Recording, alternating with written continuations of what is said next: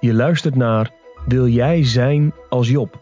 Deze podcast is een prekenserie van dominee Gert van den Brink en wordt je aangeboden door Geloofsterusting.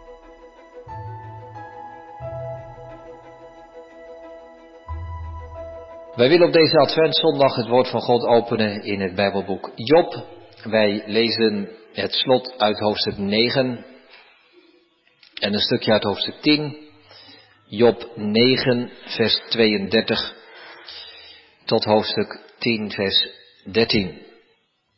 Daar zitten we on, ondertussen in het, uh, in het Bijbelboek.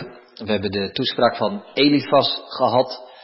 Of laat ik zeggen, in hoofdstuk 3 begon het met de woorden van Job. Hoofdstuk 4 en 5 heeft de eerste vriend Elifas geantwoord.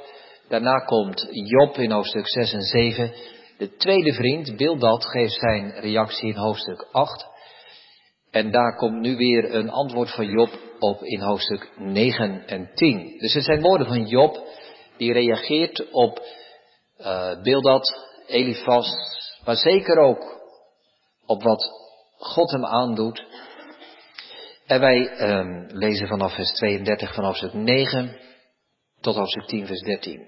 Job klaagt hier over God, waar hij eigenlijk geen, ja wij zouden zeggen geen gesprek mee kan voeren, omdat God zo anders is en er niemand is die een scheidsman, een middelaar kan zijn. Hoofdstuk 9, vers 32.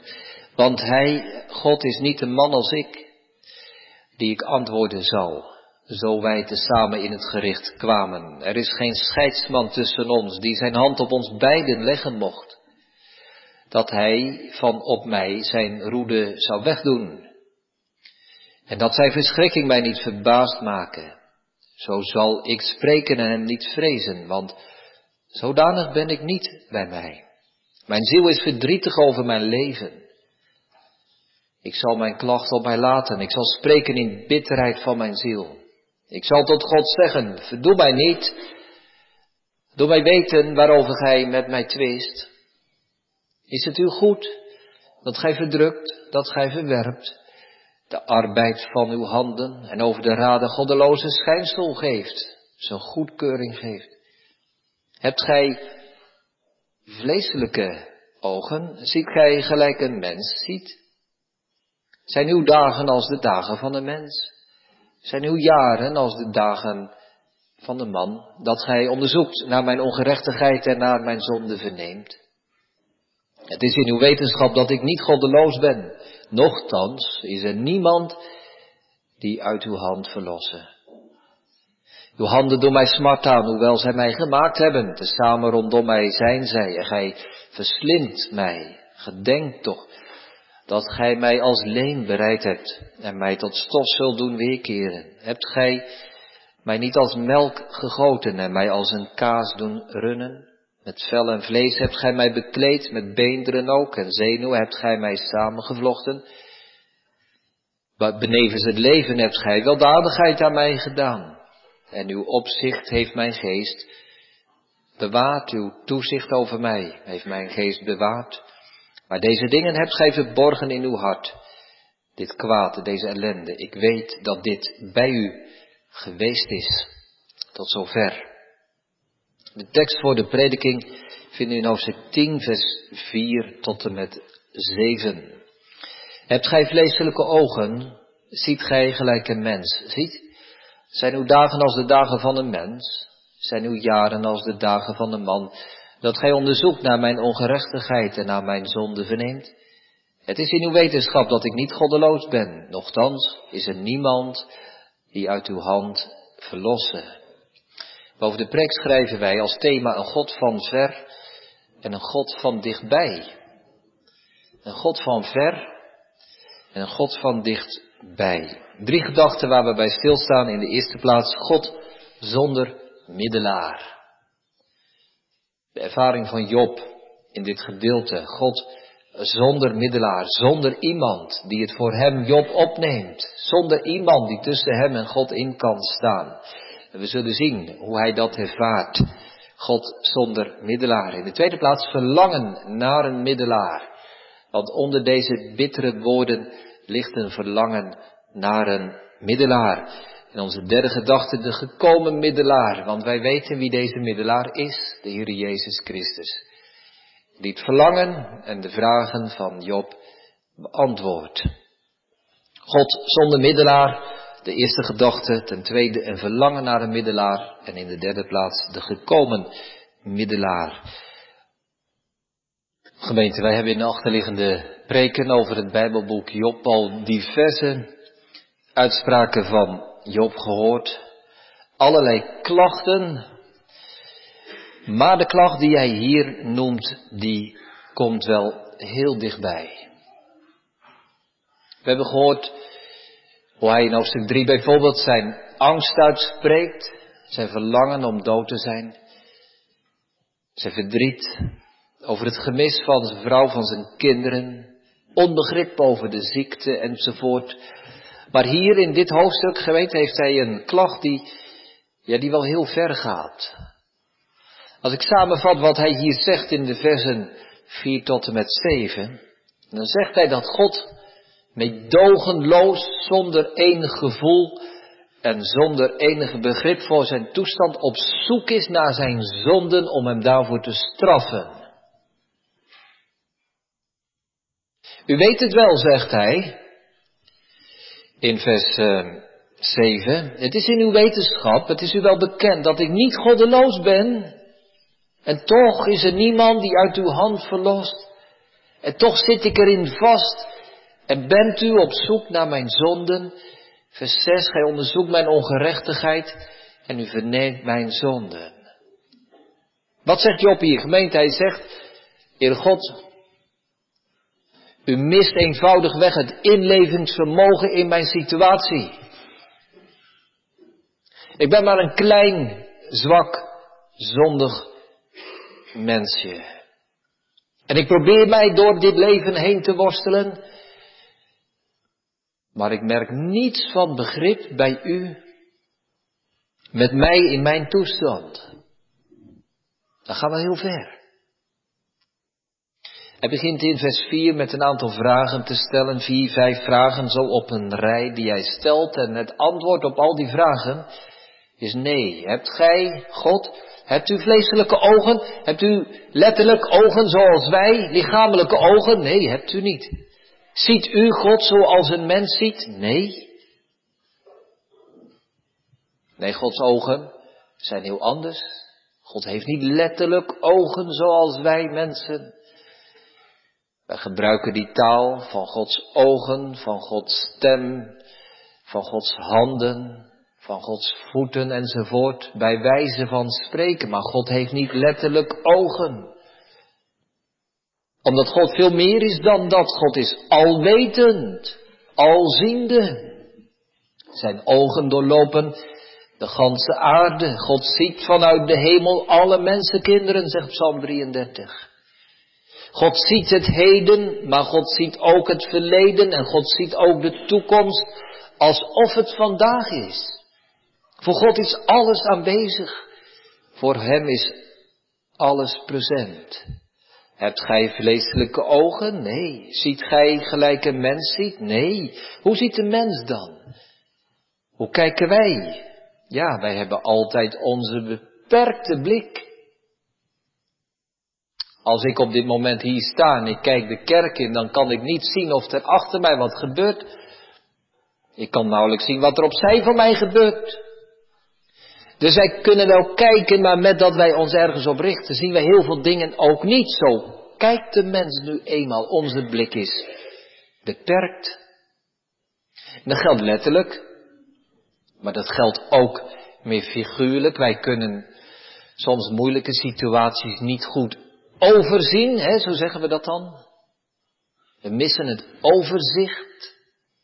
We kunnen niet alle aspecten en alle omstandigheden meenemen en doorzien. En we proberen wel in de situatie van het leven waar we in zitten te overzien wat het is en wat we het beste kunnen doen. Wij zien iets van het heden, maar wij kunnen het verleden niet meer zien. Laat staan de toekomst zien. Nee, we zijn geen zieners. Dus wij maken fouten. Dus wij maken verkeerde inschattingen. Dus wij maken soms keuzes waar we later van zeggen, had ik dat maar anders gedaan. Maar ja, ik wist het ook niet. Mijn blik, mijn kijk, mijn overzicht is beperkt.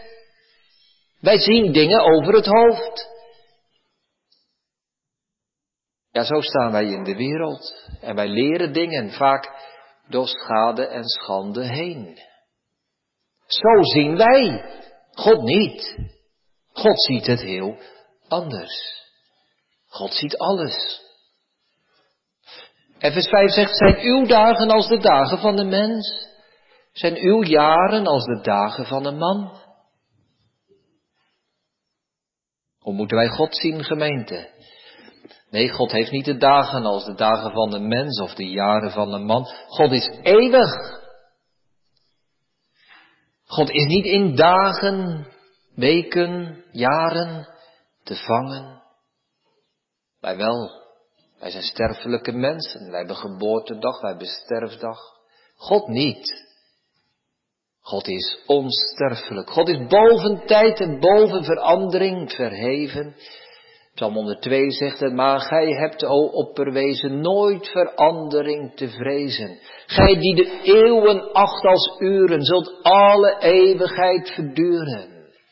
Duizend jaren zijn bij God als één dag. God is niet in de tijd opgesloten en door de tijd beperkt. Maar wij, maar wij, ja wij wel. Wij zijn slechts even hier wij zijn ingeklemd tussen een begin en tussen een einde, tussen een wieg en een graf, tussen geboorte en dood. Je kunt zo uitrekenen hoeveel dagen je hebt. Er zijn allerlei programma's voor. Je kunt je geboortedag ergens op internet wel intypen en dan rekent die uit hoeveel dagen je intussen leeft. Er kunnen er duizenden zijn, maar het zijn wel dagen. En op een dag is het je laatste dag. Zo zijn de dagen van de mens, zo zijn de jaren van de man. Het gaat voorbij. En in die korte tijd van ons leven, gemeente, moeten wij maar zien om wat levenswijsheid op te doen en wat levenservaring te verkrijgen. Je begint aan het leven als een kind vol van trouwen. Naïef sta je in het leven en voor je het weet en voor je erop voorbereid bent, komen de grote levensvragen op je pad. Waar is de wijsheid waar ik deze vragen mee aan kan? Waar is de kennis die nodig is om zulke moeilijke situaties het hoofd te bieden? En vol het weten is het einde van het leven al daar. Ja, het kan zijn als je ouder wordt, als je oud geworden bent, dat je intussen levenservaring en levenskennis gekregen hebt. En je kunt dan wel eens denken, had ik dit maar geweten toen ik jong was. Had ik deze kennis maar gehad, tien jaar geleden, dertig jaar geleden, veertig jaar geleden. Ja, ik ben inderdaad een ervaring rijker. Een illusie armer. Wie van ons heeft niet bij het oude worden de terugblik, de gedachte aan de jeugdzonde, de dingen die je vroeger gedaan hebt toen je jong was en je betreurt het. Sla de zonde nimmer ga die mijn jonkheid heeft bedreven. Wie heeft er niet bij het oude worden dingen waar je je voor schaamt als je eraan terugdenkt? Je denkt, oh was ik vroeger maar niet zo onbezonnen geweest. Was ik maar niet zo naïef, zo dom geweest, zo goedgelovig, zo onnadenkend. Wat heb ik voor keuzes gemaakt? Was ik vroeger maar niet zo onverschillig geweest? Was ik maar niet zo kortzichtig geweest? Maar er is altijd achteraf gesproken. Zo is het leven van de mens. Het zijn dagen. En ieder moet dat voor zichzelf ontdekken. Het is natuurlijk altijd weer de les voor ouders en voor grootouders.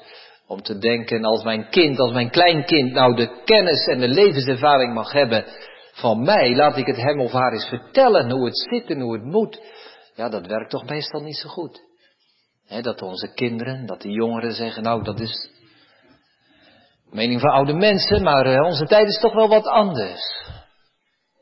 Ja, en ieder moet door dat proces heen, van dagen, van jaren, om te leren wat het leven is. En eigenlijk, gemeente, gaat het leven te snel. En is de verandering te vlug. En de tijd ontbreekt ons en de rust ontbreekt ons om wijs te worden en voorbereid op het leven. We maken fouten, we storten ons soms zomaar in de ellende. Maar wie kan er wat aan doen? Job zegt, dit is toch het leven, het overkomt je. Zo zijn wij mensen nu toch eenmaal. Maar God niet. God is heel anders. En Job zijn klacht in dit gedeelte is dat God nu helemaal geen rekening houdt met hoe wij mensen moeten leven. Wij zijn mensen die vleeselijke ogen hebben. Wij zijn mensen die het overzicht missen. Wij zijn mensen van de dag. We zijn er maar eventjes. En God, ja, God is eeuwig. En God is alwetend. God is zo totaal anders dan jij en ik. Maar God die kijkt naar ons en die houdt totaal geen rekening met hoe wij moeten leven en wat er gebeurt.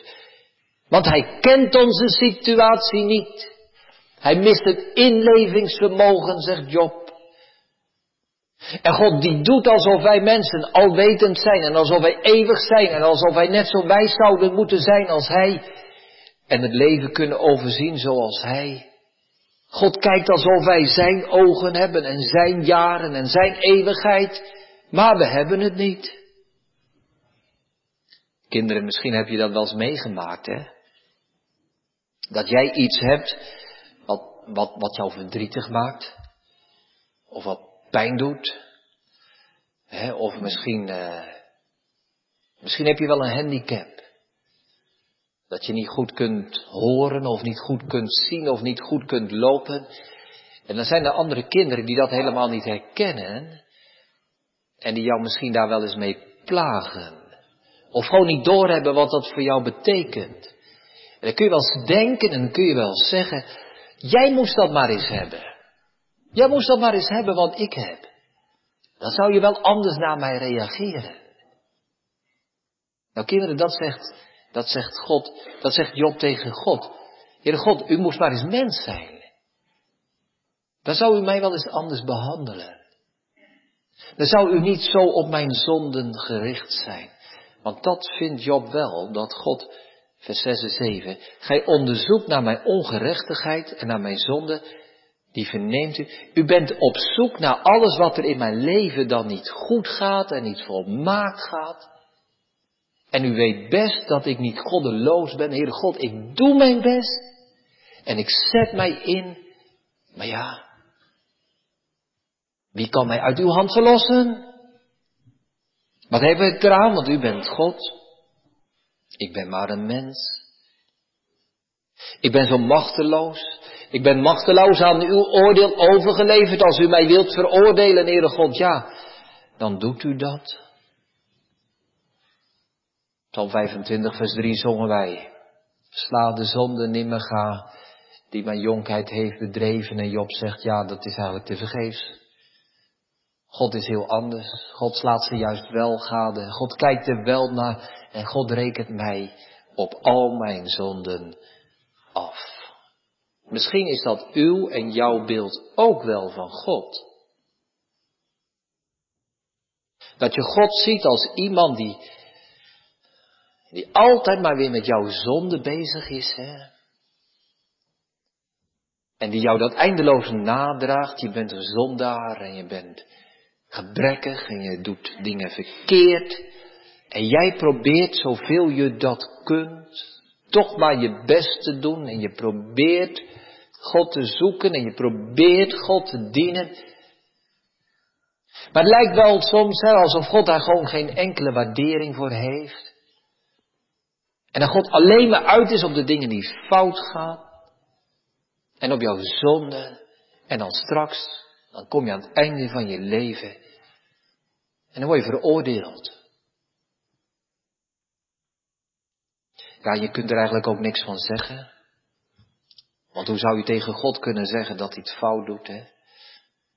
Maar je, je, je zou wel denken, ja, wie, wie verlost mij daar nu uit? Is dat nu de God van de Bijbel? Altijd moet het maar weer over zonde gaan. Nooit is beloning, nooit is waardering. Altijd maar weer zonde en straf en afkeuring. En dan kan die vraag wel reizen, hoe is het dan mogelijk? Hè? Als dit jouw beeld is, uw beeld, mijn beeld is van God. Kun je God dan lief hebben? Nee, dat gaat niet. Kun je dan in God verblijden? Nee, dat lukt niet. Kun je Hem dan vertrouwen? Nee, ook niet. En soms denk je wel, ik, ik begrijp niet dat andere mensen God wel lief hebben en dienen.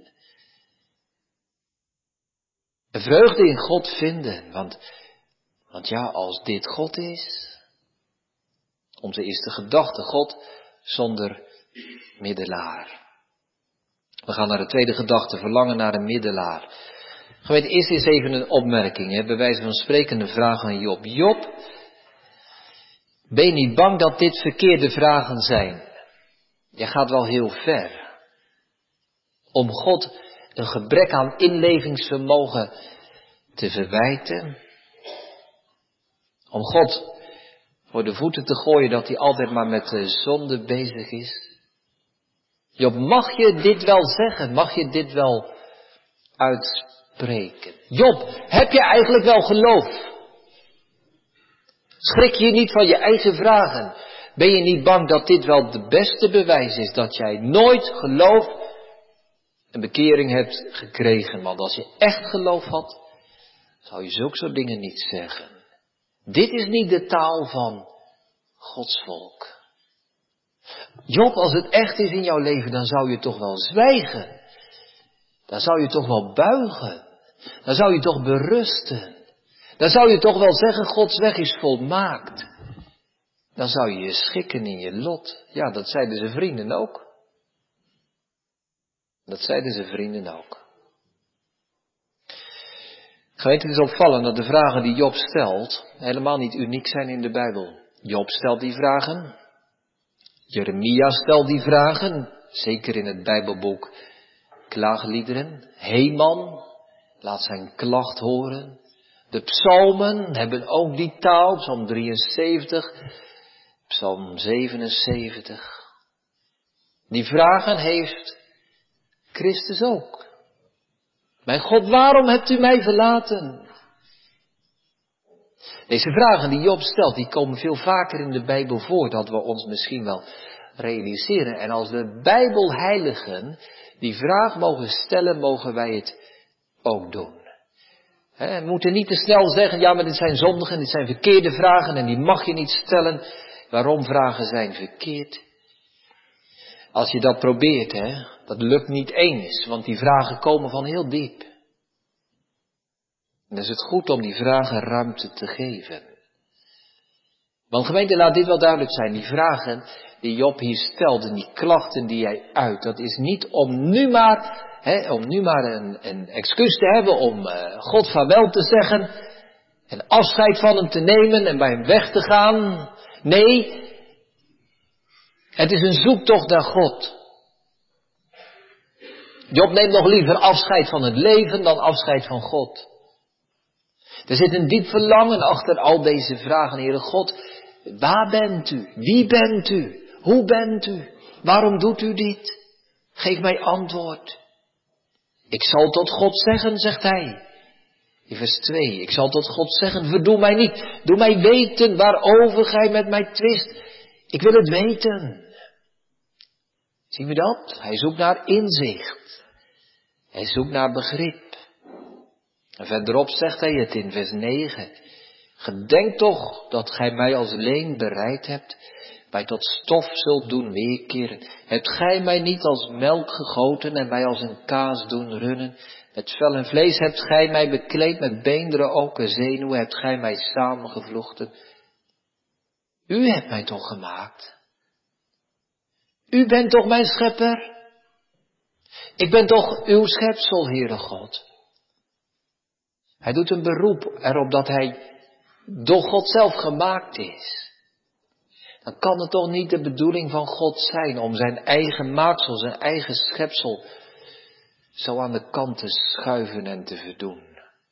Heer, u hebt mij zelf gemaakt als een tijdelijk schepsel. Mijn leven gaat voorbij. Mijn leven is tijdelijk. Ik ben er maar even, dat weet u toch? Waarom dan dit? Dus gemeente, de vragen van Job zijn niet bedoeld om God de rug toe te keren, maar om God te vinden. Om God te kennen, om zijn weg met hem te begrijpen. Dus die, die ellende van Job, die brengt hem tot diepe gedachten. En Job gaat zoeken naar een middelaar. Job gaat verlangen naar een middelaar. Naar iemand die tussen hem en God in kan staan. Die hem zal verlossen. Iemand die zijn situatie begrijpt en kent. Hij wil iemand hebben die kijkt met dezelfde ogen als waar Job zelf mee de wereld in kijkt. Hij zou iemand willen hebben die net als hij zelf kort is van dagen. Iemand die net als hij ingeklemd is tussen wieg en graf, tussen leven en dood, tussen kribbe en kruis. Daar zoekt hij naar. We hebben die versen gelezen in het slot van hoofdstuk 9. Hij heeft het over een gerichte ontmoeting, een rechtszaak in vers 32. Er is geen scheidsman, zegt hij, die tussen, tussen ons, die zijn hand op ons beiden leggen mocht. Had ik maar zo iemand, die tussen God en mij in zou kunnen staan. Dus gemeente, wij zien hier iets bijzonders gebeuren. Dat Job gaat verlangen naar een middelaar. En wij moeten de woorden van Job goed plaatsen in het Oude Testament. Job is iemand die duizend jaar, 2000 jaar voor Christus heeft geleefd.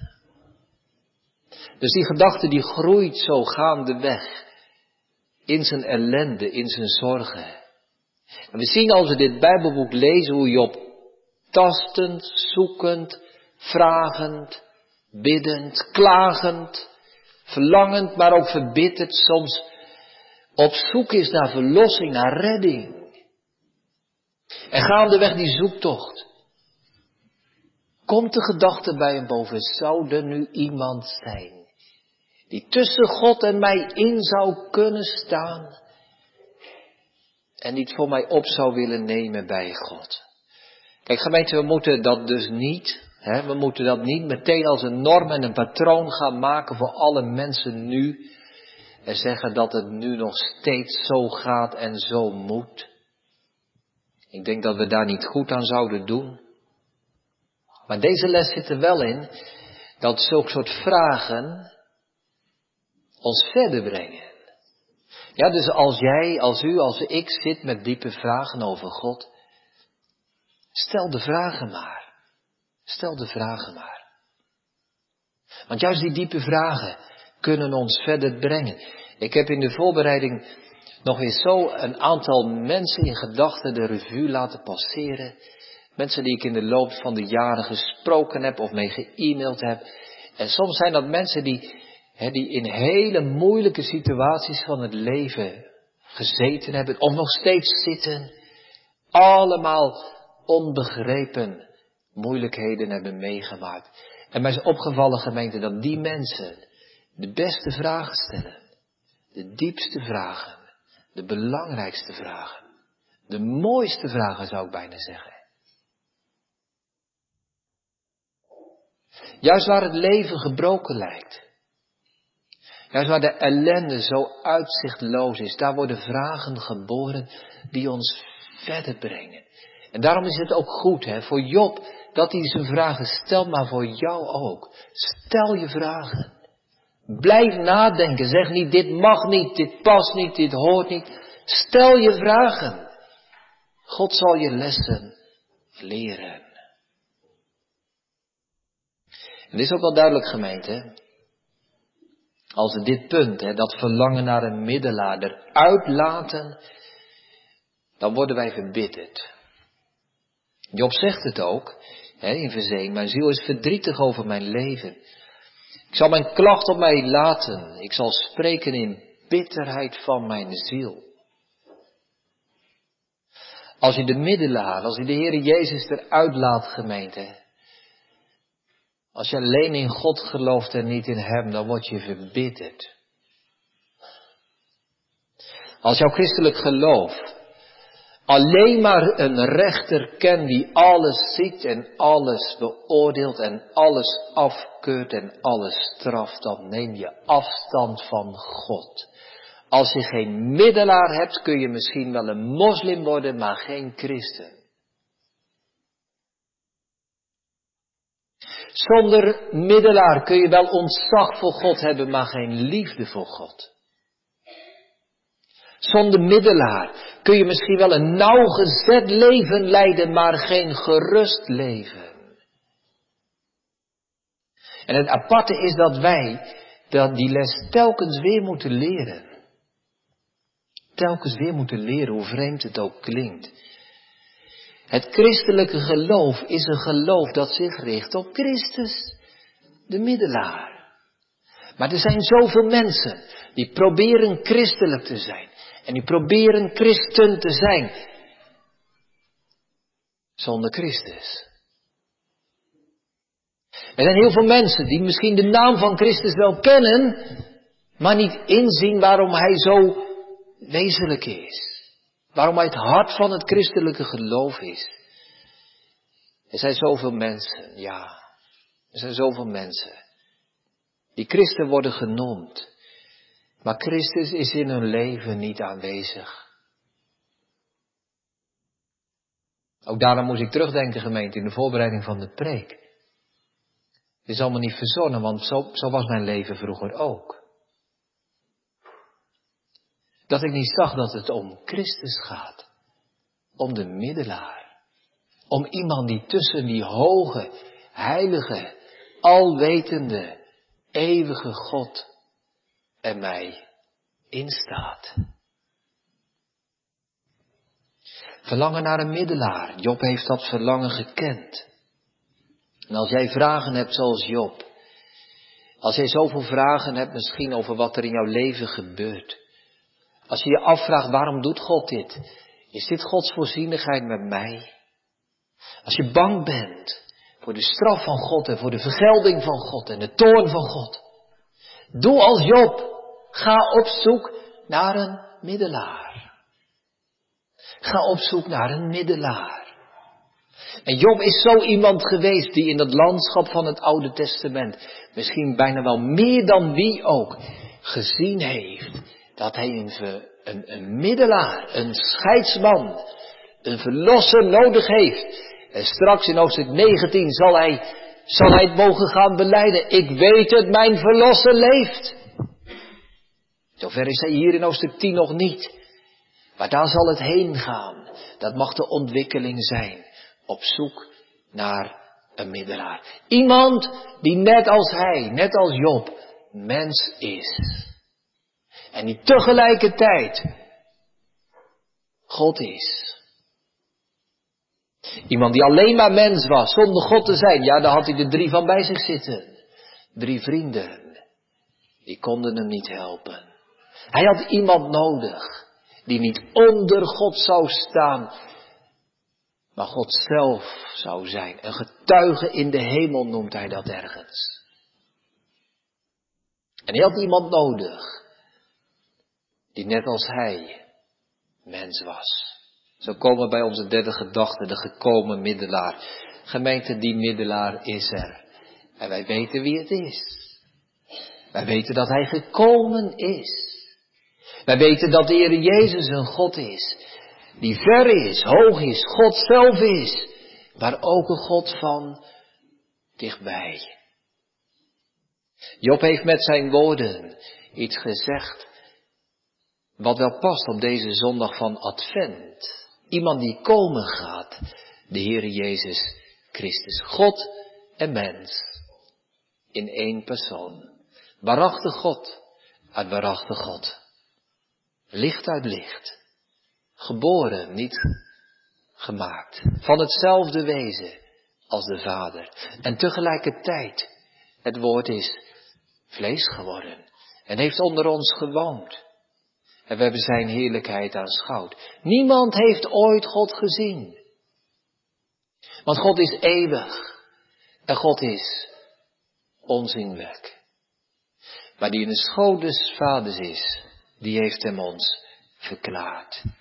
De Heer Jezus Christus is gekomen, gemeente, als een borg, als een tussentreder, als een verlosser, als een middelaar, als een advocaat, als iemand die onze zaak voor God bepleiten zou.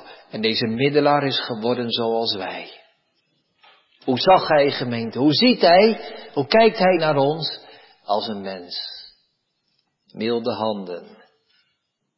Vriendelijke ogen. Zijn bij u van eeuwigheid. Job zag dat niet. Maar wij mogen dat zien. Paulus zegt, in het gezicht, in het aangezicht van Jezus Christus. Kinderen, misschien vinden jullie het ook soms wel moeilijk, hè? Als je aan God denkt, waar is God? Wie is God? Hoe moet ik mij God voorstellen? Moeilijke vragen hoor, ja. Weet je wat je mag doen, kinderen? Als je die vraag stelt, hoe moet ik mij God voorstellen? Je mag eenvoudig denken aan de Heer Jezus. Want Jezus is God. En als je wil weten hoe God eruit ziet, denk maar aan de Heer Jezus. U gelooft in God, zegt de Heer Jezus. Geloof ook in mij. Als wij ons God willen voorstellen, waaraan moeten wij dan denken? Moeten wij alleen denken aan die God die zo hoog verheven is en die we een inlevingsvermogen zouden, zouden logenen? Nee gemeente, wij mogen Jezus zien, die bij ons gekomen is, mens geworden is. Wij mogen Hem zien, Hij die een geboortedag heeft en een sterfdag heeft. Net als wij. Zijn leven was kort. Zijn leven eindigde in een gewelddadige dood. Kribben en kruis waren van hetzelfde hout gemaakt. Zo leefde hij. Hij is mens geworden, zegt Hebreeën 5. Om medelijden te hebben met onwetende en dwalende mensen. Medelijden.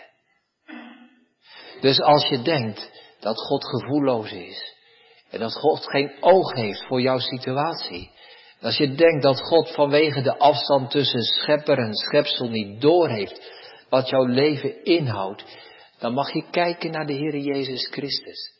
Want Hij heeft alles doorgemaakt wat wij doormaken.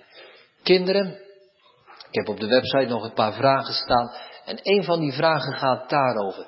Wat heeft de Heer Jezus allemaal gevoeld? Nou, dezelfde dingen als jij. De Heer Jezus heeft honger gevoeld. De Heer Jezus heeft dorst gevoeld. De Heer Jezus is blij geweest. De Heer Jezus is bang geweest. De Heer Jezus is moe geweest. De Heer Jezus is ziek geweest. De Heer Jezus is boos geweest. Allemaal gevoelens, allemaal ervaringen die wij meemaken. De Heer Jezus is bang geweest om te sterven. Net als wij.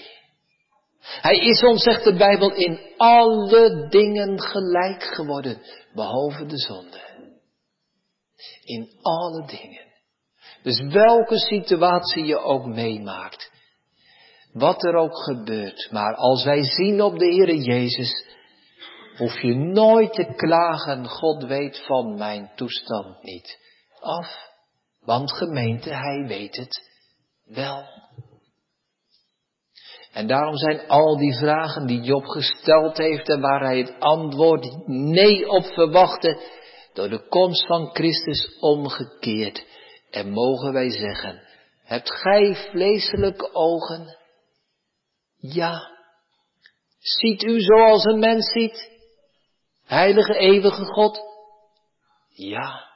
Zijn uw dagen als de dagen van een mens? Ja. Zijn uw jaren als de dagen van een man? Ja. In de Heer Jezus Christus.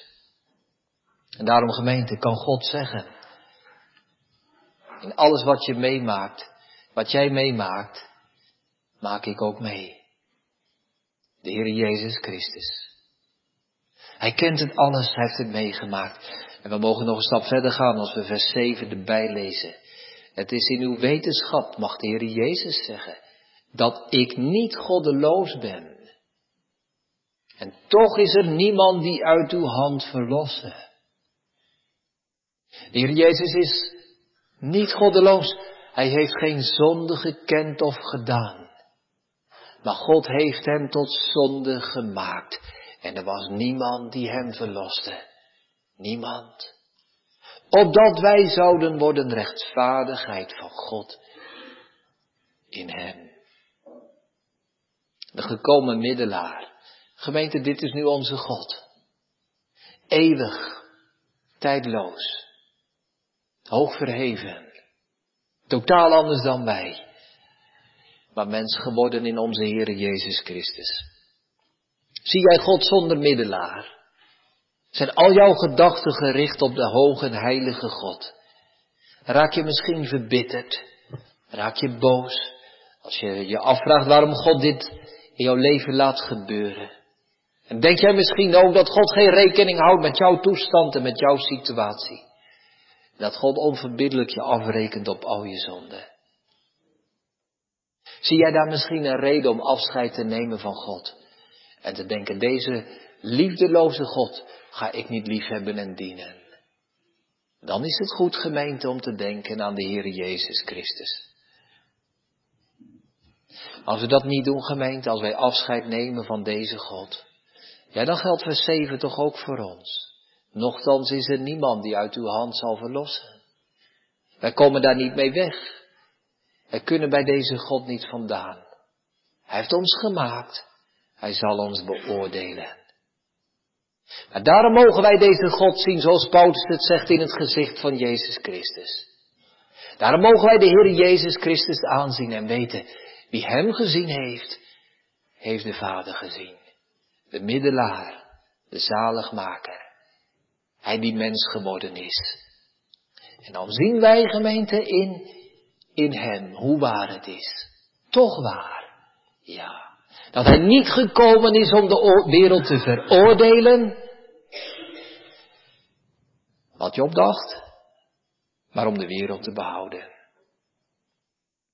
En dan mogen wij in hem in de Heer Jezus Christus. En door hem heen God zelf zien. En mogen wij weten dat God de wereld zo lief heeft gehad. Dat hij zijn enige geboren zoon gegeven heeft. Opdat een ieder die in hem gelooft niet verloren zou gaan, maar eeuwig leven hebben. Amen.